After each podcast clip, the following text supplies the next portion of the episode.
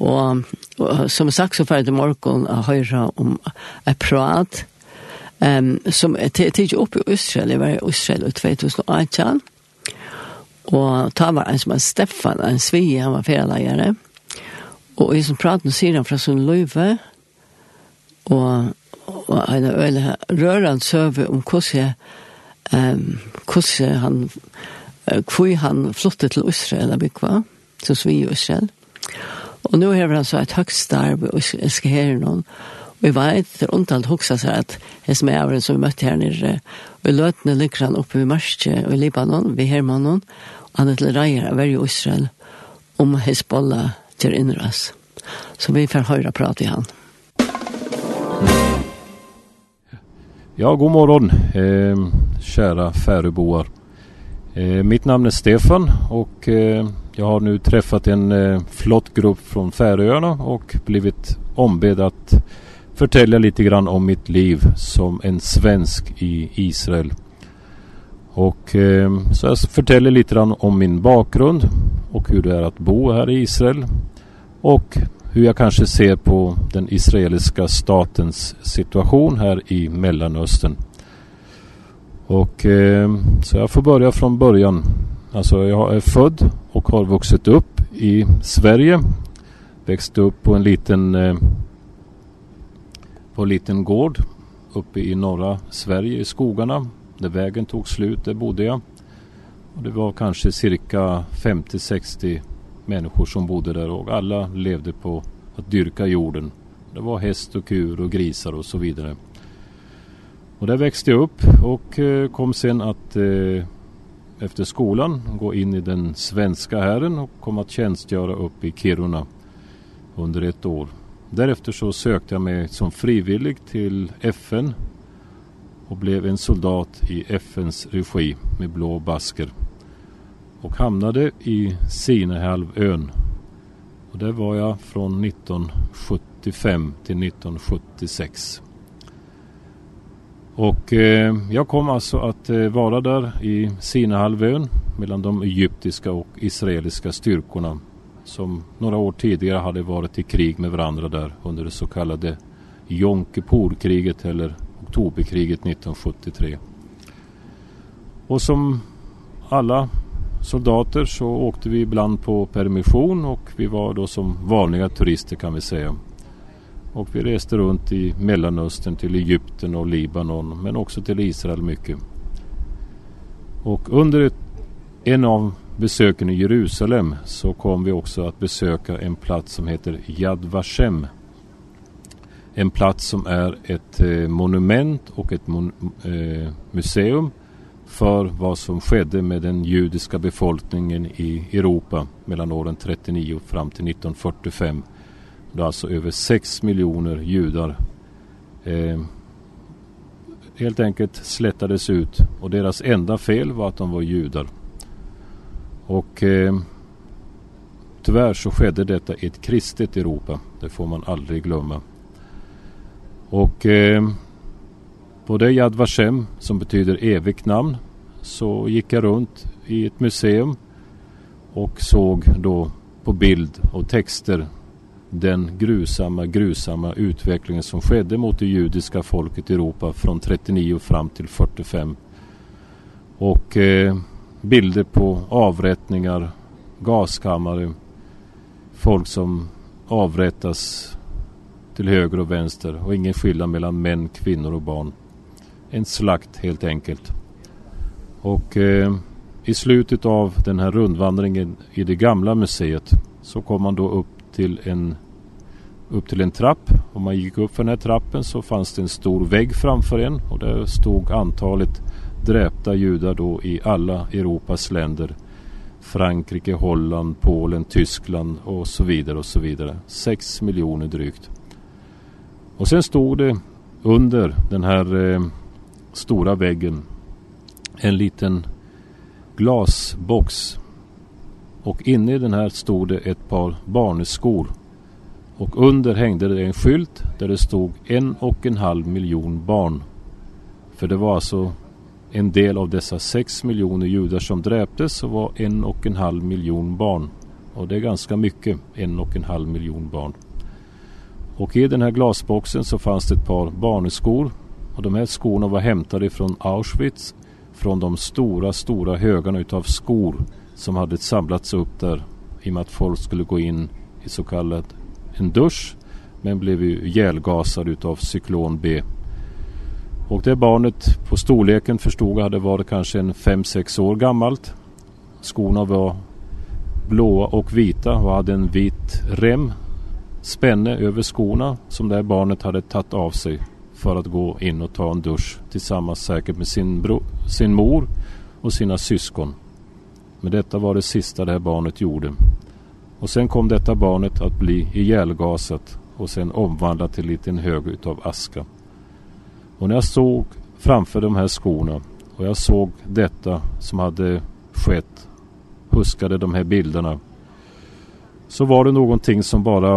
Eh, det var ingen röst från himlen, det var inte ett jordeskall, det var ingenting så dramatiskt utan jag gick mer eller mindre upp i gevakt i min uniform och sen sa jag till mig själv Det barnet fick icke leva för att det var ett judiskt barn. Och jag kände en enorm skuld för det judiska folket på platsen. Och jag sa till mig själv, det här barnet ska få ett nytt liv. Det här barnet ska få återkomma och leva i mig. Och jag ska fortsätta det här barnets liv som tog sig bort på sånt, sådant brutalt sätt. Och jag ska flytta ner till landet Israel och jag ska bli en del av staten Israel och jag ska finna mig en judisk kona så att mina barn blir judiska och jag ska leva och bo här nere och delta i Israels liv på ont och gott. På ont och, gott. och detta gjorde jag 1976 bestämde jag mig för detta och 1980 så kom jag att flytta ner helt alena och blev sen en israelisk statsmedborgare Och jag har aldrig, aldrig ångrat det här beslutet som jag fattade då framför dessa skor. För nu känner jag att jag har betalat tillbaka en skuld utav dessa 6 miljoner människor och speciellt de en och en halv miljon barn som var tvungna att dräpas för att de var judiska barn. Mitt samvete är lite, lite bättre nu i och med att jag har bott här sedan 1980 i landet Israel. Musik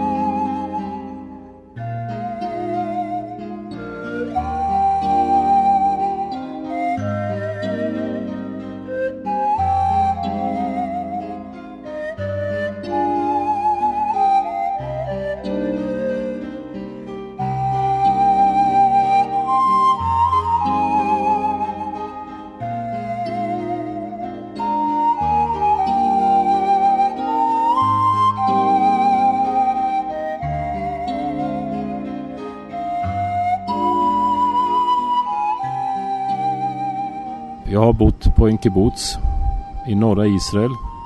Och jag fann min kona 1985 och 1986 så föddes min första gutt Jonathan. Och sen har det kommit två barn till. Eh, Daniel och en jänta som heter Tom. För Tom är också ett namn för, gutt, eller för jäntor här i landet. Och vi bor på kibbutzen. Och jag arbetar inom jordbruk. Jag dyrkar jorden. Och jag odlar eh, mandariner och eh, grapefrukter och jobbar också som guide emellanåt. Och detta livet som jag lever är för mig personligen en väldigt viktig del av mitt sätt att känna att jag har ett gott samvete.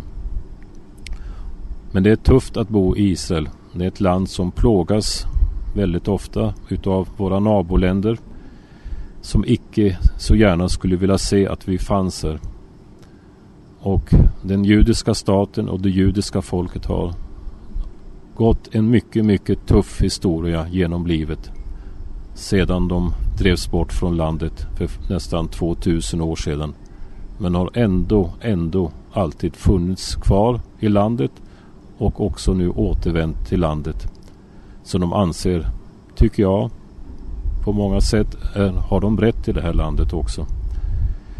Och eh, Omvärlden, tyvärr. Västvärlden har väl kanske icke riktigt förstått egentligen många gånger den konflikt och vad folk egentligen också i Israel genomgår. Att det är alltså en situation som är ganska tuff att leva här. Speciellt de personer som har varit ute i krig och fått upplevt de mycket, mycket tuffa sakerna för att ge det här landet en chans att leva några år till Men det kostar. Det är ett högt pris man måste betala. Många män och guttar kommer inte hem från de här krigen som har börjat redan 1948 och fortsätter ända fram till idag. Och omvärldens sätt att se på den här konflikten som är också mellan de så kallade palestinaraberna. Det är också en eh, konflikt som kanske hade kunnat lösas mycket tidigare om det hade funnits en ledning på den palestinska arabiska sidan som har kunnat förstått att det judiska folket har kommit hit för att stanna. Naboländer typ Libanon, Syrien, Jordan och Egypten har ju skiftat lite fram och tillbaka. Nu har ju Israel fallit ett fredsfördrag med Jordan och Egypten men icke med Syrien och Libanon. Och eh, staten Israel är ett land som är väldigt, väldigt liten den arabiska de arabiska områdena här i Mellanöstern styrs av, av den arabiska befolkningen till 99,99 ,99 procent. Så Israel är alltså så litet, så litet. Men ändå så tycker många att landet ska slättas ut och försvinna och det judiska folket ska hamna ute i havet igen. För då blir det fred i Mellanöstern. Då blir det ett paradis, tror en hel del naiva människor. Staten Israel anser jag har full rätt att försvara sig. För gör man inte det så kommer man inte att finnas kvar. Och Israel kan icke förlora ett krig. De arabiska länderna som har attackerat Israel sedan 1948 har förlorat krigen. Men de fortsätter att existera. Detta kommer inte Israel att göra om man skulle förlora. Eh, omvärldens sätt att se på vad som sker här runt omkring anser jag är ganska trist. För det finns så mycket här som sker som inte är behandlat och beskrivs på rätt sätt på grund av medias enorma makt som har blivit under de sista decennierna. Och hade inte media gjort detta så hade kanske folket förstått den här konflikten på ett mycket bättre sätt. Men tyvärr har politiker och media alltså gjort en ganska så ensidig beskrivning av konflikten och vad som sker här i landet. Och jag kan bara ge några exempel. Tänk på de alla terrorangrepp som har skett i Europa under de sista tio åren. I Bryssel, i Paris, i Nice även i Sverige, i Stockholm, hur folk har blivit påkörda, överkörda, nedskjutna, knivhuggna och dräpta utav araber. Då kallas det för terrorister när dessa människor utför dessa attacker i Europa. Exempel nu hörde jag på nyheterna att det var en arab som hade för någon, något halvår sedan kört över en grupp människor på en bro i London. Han var en terrorist. När samma sak sker till exempel i Jerusalem, att en arab kör över en grupp civila israeler och dräper dem, då är han icke en terrorist. Varför? Han är en arabisk chaufför som enligt israelisk politi dräpte människorna med flit enligt israelisk politis beskrivning.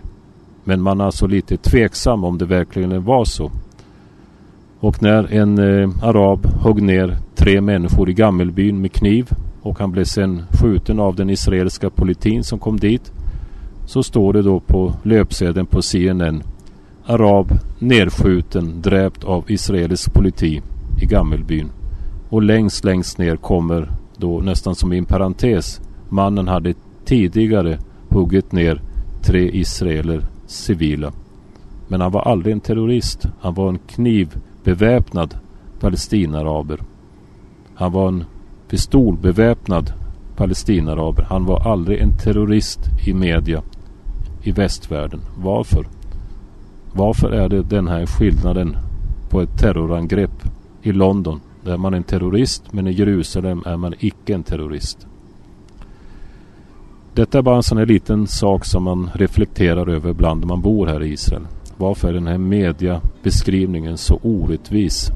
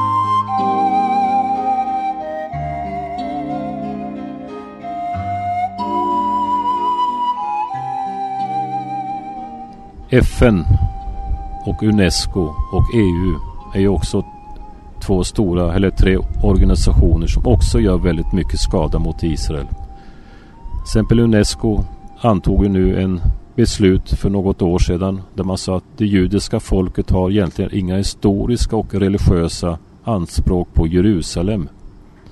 Hur kan man säga detta? När till exempel i Bibeln nämns Jerusalem 700 gånger och i Koranen inte en enda gång. Och man kan säga att det judiska folket har inga rötter till Jerusalem eller historiska eller religiösa. Jag tycker det är helt vansinnigt. Hur kan en politiker och en person som sitter i UNESCO vara så enormt naiv? Och Sverige var faktiskt det enda EU-land som röstade för detta beslutet. De andra EU-länderna, tror jag 13 stycken, avstod eller röstade emot. Men varför skulle Sverige rösta för det här beslutet som är helt vansinnigt? Eh, FN fattar ju också beslut mot Israel hela tiden. Speciellt brott mot de mänskliga rättigheterna anser sig tydligen Israel vara det värsta landet i världen som bryter mot mänskliga rättigheter. Nu har det pågått ett brödrakrig i Syrien sedan 2011 med över en halv miljon människor dräpta. 20 procent av dem är barn. Ryskt bombeflyg har under de sista åren bombat sönder över 300 sjukhus i Syrien för att bryta ner motståndet mot eh, Syriens president Bashir Assad som Ryssland och Iran kom in för att hjälpa för att han icke skulle ramla av stolen. Hur många har då protesterat mot att Ryssland har bombat sönder 300 sjukhus? Hur många har stått utanför den ryska ambassaden och demonstrerat? Hur många har varit utanför den iranska ambassaden och protesterat i deras deltagande av slakt av civila i Syrien?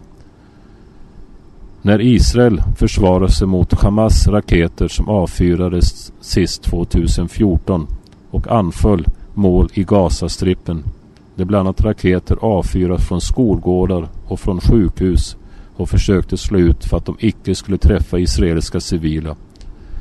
Då kom FN in och protesterade våldsamt mot vad Israel höll på med. Men detta som sker i Syrien, det bryr man sig inte om så väldigt mycket. Och FN har alltså under de sista tio åren antagit cirka 25 beslut mot Israel och brott mot de mänskliga rättigheterna. Hur många beslut mot Syrien? Åtta. Och då har också syrierna varit med och gasat ihjäl folk i hundratals. Män, kvinnor och barn.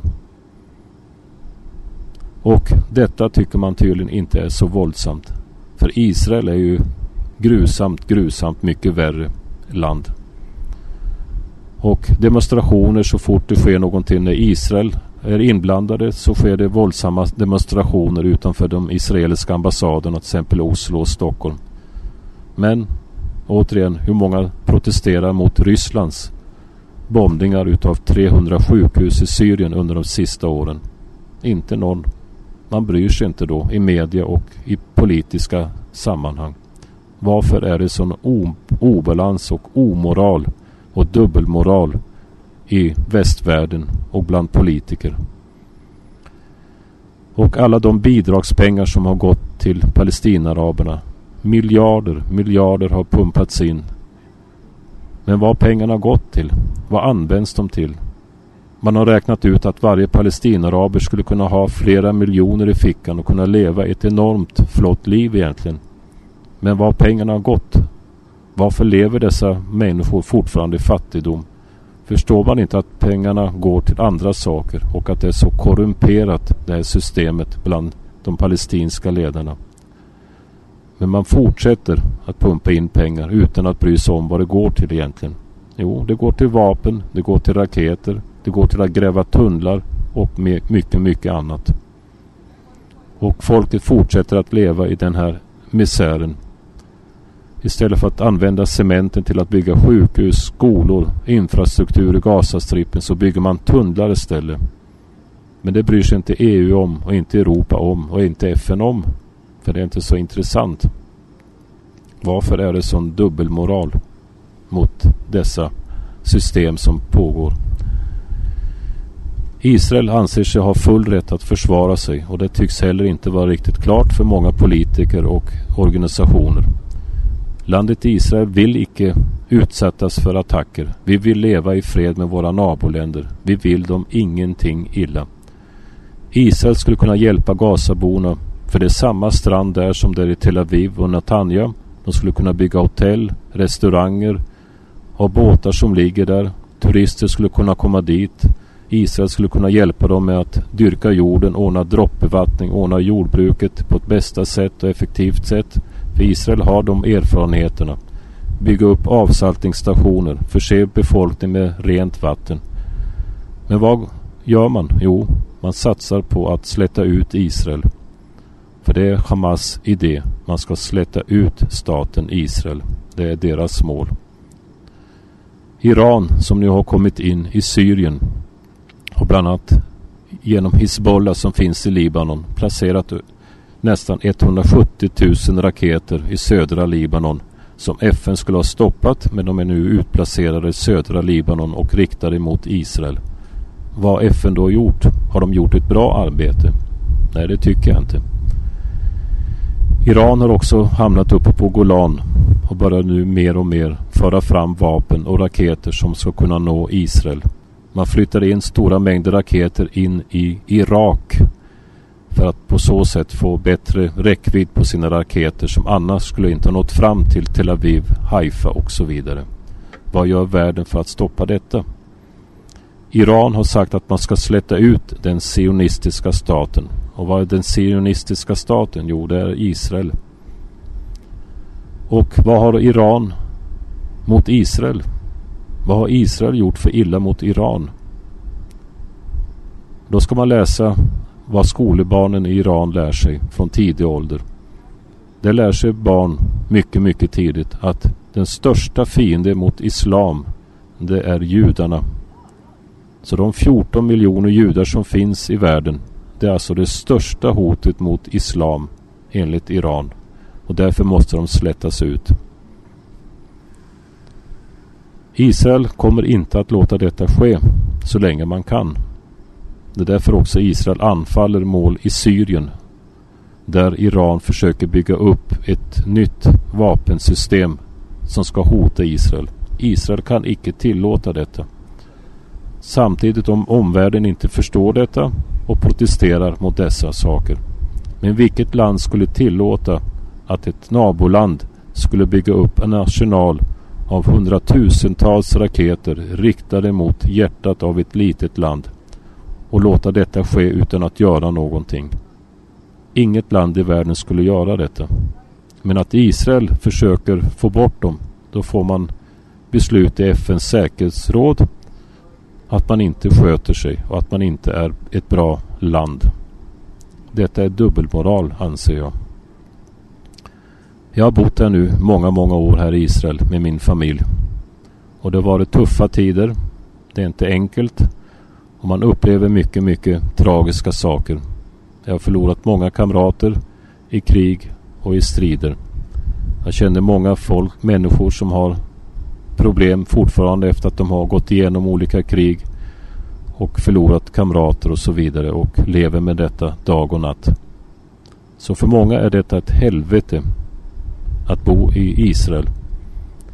De har det inte bra, men ändå så bor de kvar För de vet att de har inget annat land där de kan leva som ett judiskt folk.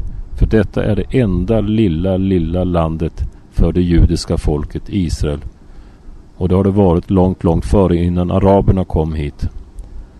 Den arabiska befolkningen har alltså enorma markområden. Men ändå så vill man ha bort detta lilla, lilla landet för det judiska folket. Har icke det judiska folket rätt till ett eget land? Palestin, palestinerna som man kallar, vad är de egentligen? Jo, de är araber. Precis som jordanierna är araber, syrierna är araber, egyptierna är araber.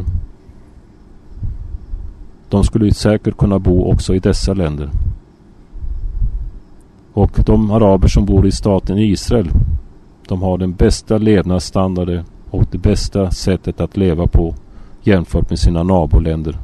Det finns inget land runt omkring här där araberna har så bra som de har i just i staten Israel. Så jag hoppas att vi kommer att få fred någon gång men jag är ganska pessimistisk. Jag tror icke att vi kommer att kunna få det på grund av att de som styr i arabländerna inte upphör med hatet mot Israel. Skolbarnen som lär sig att hata Israel från unga år.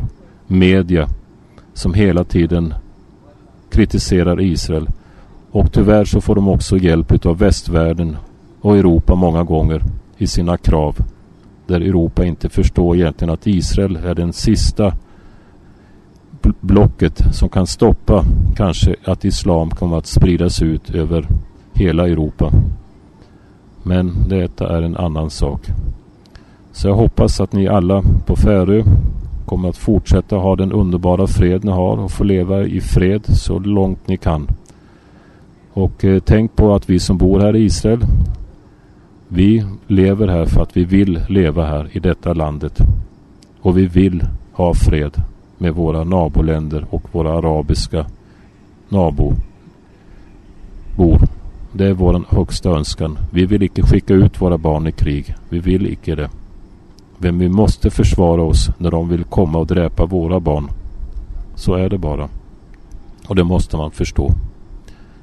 Så jag önskar er allt gott och hoppas att jag har hört någonting annat också i media nu och jag önskar er en riktigt god och nydlig dag i fortsättningen.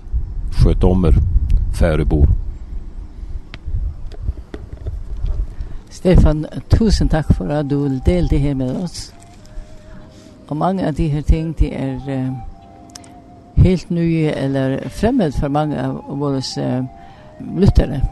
Men tusen tack.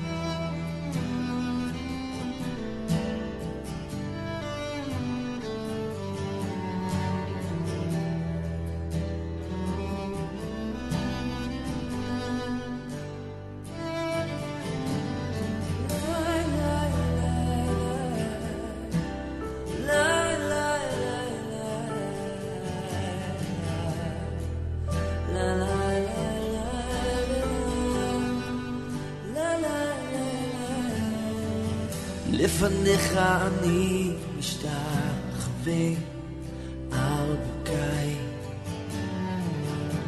נותן לך סמכות על כל ימי אהלל אותך נצח כי אתה אדוני תעלב אותך ישוע שמחת חיי קדוש קדוש קדוש אתה קדוש קדוש אתה קדוש קדוש קדוש אתה קדוש קדוש Jota